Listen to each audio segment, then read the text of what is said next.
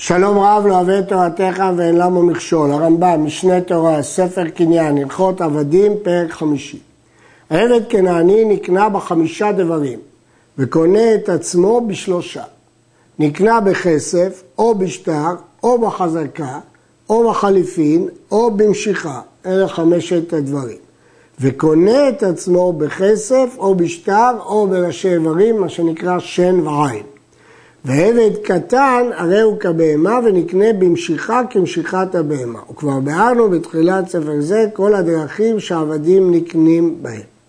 כן, עד עתה דיברנו על עבד עברי, מכאן לעבד כנעני. ראינו את הדרכים שהוא נקנה ואת הדרכים שבהם הוא קונה את עצמו.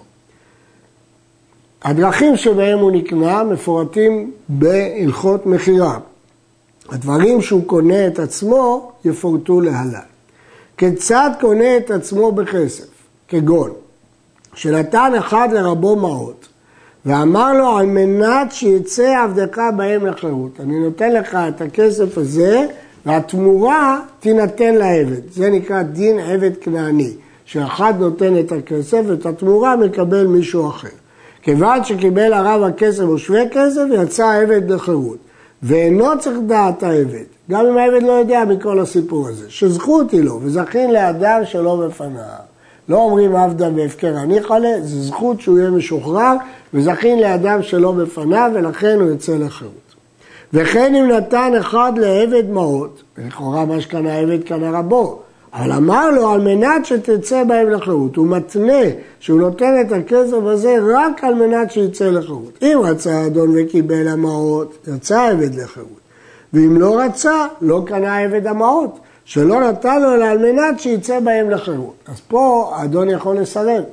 במקרה הקודם, האדון לא יכול, פה הוא יכול לסרב. ואחד הכסף הוא שווה כסף בין לקנותו בין להקנות עצמו לו. אין הבדל בין כסף ובין שווה כסף. למדנו את זה, ישיב לרבות שווה כסף ככסף. כיצד משטר? כתב לו על הנייר או על החרס, הרי אתה בן חורין, או הרי אתה לעצמך, או אין לי עסק בך, וכל כיוצא בעניין זה, שזהו גופו של גט שחרור. זה התוכן של גט שחרור. הוא מסר לו את השטר בפני שני עדים, עדי מסירה. או שהיו שני העדים חתומים בו, עדי חתימה, ומסרו לו בינו לבינו, הרי זה יצא לחירות.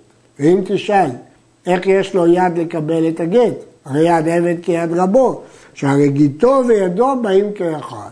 הרי אם יהיה לו גט, אז יהיה לו גם יד, ואם יהיה יד, יהיה לו גט. אז מקנים לו יד כדי לקבל את הגט שתאפשר לו יד. זה נקרא גיתו וידו באים כאחד.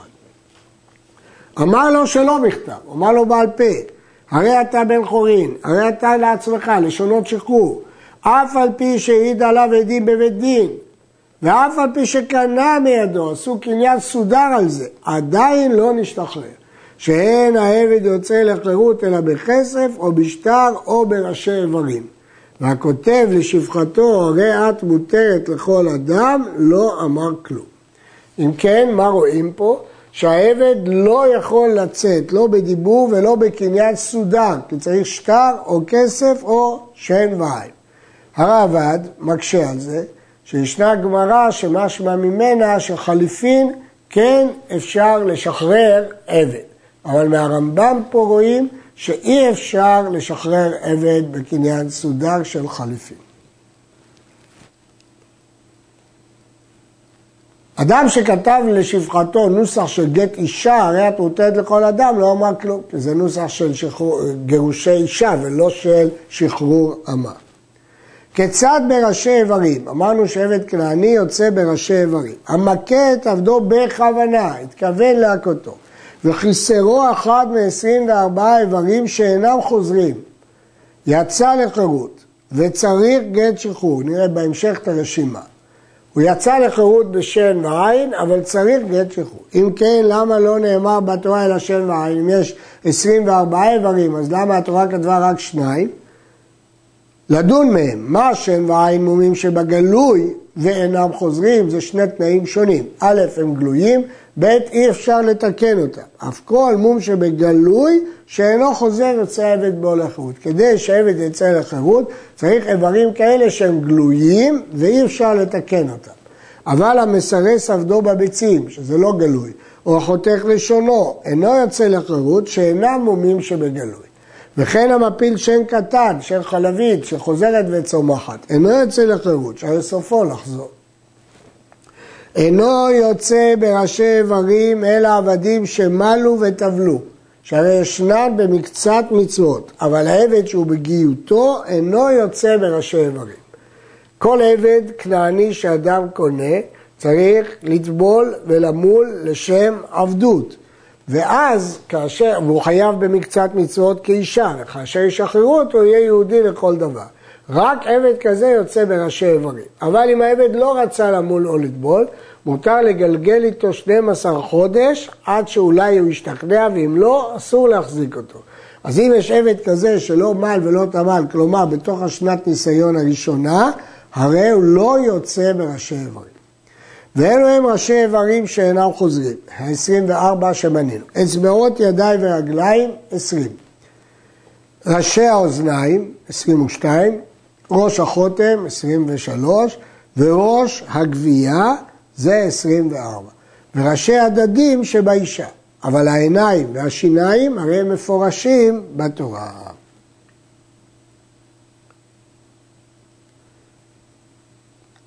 אז ה-24, 20 אצבעות ידיים ורגליים, ראשי האוזניים זה עוד אחד, 21, ראש החותם 22, ראש הגבייה זה המילה 23, ראשי הדדים שבאישה זה 24.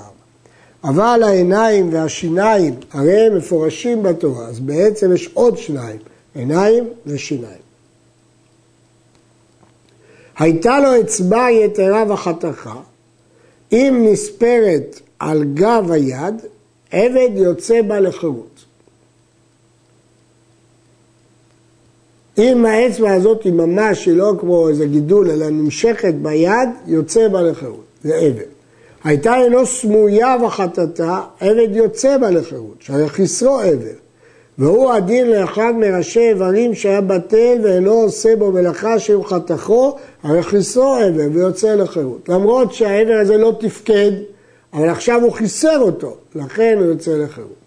היכהו על עינו ושמאה, על אוזנו וחרשה, עבד יוצא בהם לחירות, למרות שהוא לא הוציא את העין ולא חתך את האוזן, אם הוא ביטל את התפקוד שלהם, עבד יוצא. אז אם כן ראינו שני דינים, או שהוא חתך את העבר למרות שהם לא תפקדו כבר מקודם, או שהוא ביטל את התפקוד למרות שהוא לא חתך את העבר. בשני המקרים הם יוצאים. היכהו כנגד עינו ואינו רואה. כאן בצד העין מכה חזקה והוא איבד את הראייה. כנגד אוזנו ואינו שומע, אין עבד יוצא בהם לחירות, כי הוא לא היכה ממש את העבד. היכהו על עינו וחיסר מאורה, פגע בראייה, על שינו ונדנדה, לא נעקרה אלא נתנדנדה. אם יכול להשתמש בהם, אם העבד יכול בדוחק להשתמש בהם, אינו יוצא לחירות, כי סוף סוף יש לו את העבד. ואם לאו, הוא לא יכול לתפקד איתם, יצא לחירות. הייתה אינו קאה, עוד לפני מה שהאדון עשה, היא הייתה ראייה, בעלת ראייה לקויה.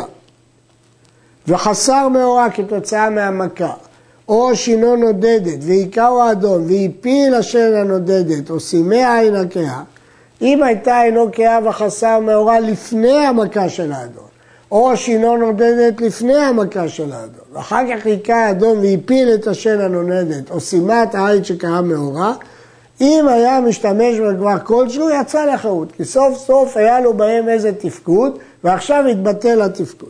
ואם לאו, אבל אם גם מקודם לא היה שום תפקוד, לא יצא לחירות. היכהו על ידו וצבת ידו, התנפחה וסופה לחזור, אבל היא לא, בסופו זה התרפא. אינו יוצא לחירות, כי למדנו רק איברים שאין סופם לחזור. תלש בזקנו ודלדל בו עצם מן הלחי, יצא לחירות. שהרי ביטל מעשה השיניים הקבועים באותו העצם. אז למרות שהלחי לכאורה קיימת, אבל תוך כדי פעולה הוא ניתק שיניים. הפיל שינו סימי עינו בלא כוונה. כגון שזרק אבן בבהמה ונפלה בעבד, והפילה שינו, חתכה אצבעו, לא יצא לחירות. שנאמר, ואם שן עבדו או שן אמתו יפיל עד שיתכוון. רק בכוונה הוא יוצא לחירות. הושיט ידו למעי שפחתו, לעזור בהולדה, וסימא עין העובר שבמאה, לא יצא לחירות, שהרי לא ידע דבר שהתכוון לו, הכניס את היד, הוא לא ידע איפה הוא פוגע, זה לא נקרא מתכוון. היה רבו רופא, ואמר לו, העבד אמר לו, כחול לי עיני ושמאה, חתור לי שני והפילה, שיחק באדון ויצא לחירות. הוא עשה תרגיל כזה למשוך את האדון כדי שהוא ישחרר אותו. שאף על פי שלא נתכוון להזיק, הרי הוא התכוון לרפא, שהרי נתכוון לנגוע באברי העבד ולסכם בהם. זה לא דומה לאינו מתכוון. באינו מתכוון, הוא התכוון לזרוק אבן על בהמה והיא פגעה בעבד, הוא בכלל לא התכוון. פה הוא התכוון, ממש. ולכן, כיוון שהוא התכוון ממש, למרות שהוא לא התכוון להזיק, זה נקרא מתכוון והעבד יוצא לחירות. מה שאין כן מושיט ידו למעי העובר, שם הוא לא יודע בכלל איפה הוא נוגע, שם ודאי שהוא לא יצא לחירות. ואין צריך לומר אם הייתה שן העבד כואבת והיה רבו רופא ועקרה לו, שהרי יצא לחירות. אם הוא אומן או רופא, אז הוא יצא לחירות, מכיוון שכאן ודאי שהוא צייב. יש גרסה שגורסת רופא ויש גרסה שגורסת אומן. המפיל שן עבדו וסימא את עינו, עשה את שניהם, גם מפיל שן וגם סימא עין, הרי זה יצא לחירות בשינו ונותן לו דמי עינו, וכן כל כיוצא בזה. כיוון שהוא הפיל את שינו, הוא צריך להוציא אותו לחירות. עכשיו הוא בן חורין, הוא חבל בו סתם, צריך לשלם לו כמו כל חובל.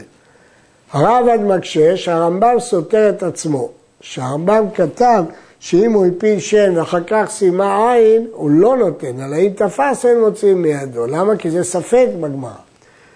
עונים המפרשים שהתשובה פשוטה. פה מדובר שהוא מפיל שן עבדו וכבר כתב לו גט שחרור.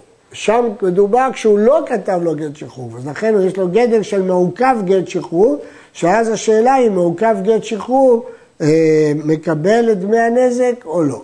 מה פירוש מעוכב אה, גט שחרור? שהוא הפיל שן אבל עוד לא כתב גט. אז מוכרחים לומר שפה הוא כבר כתב את גט השחרור.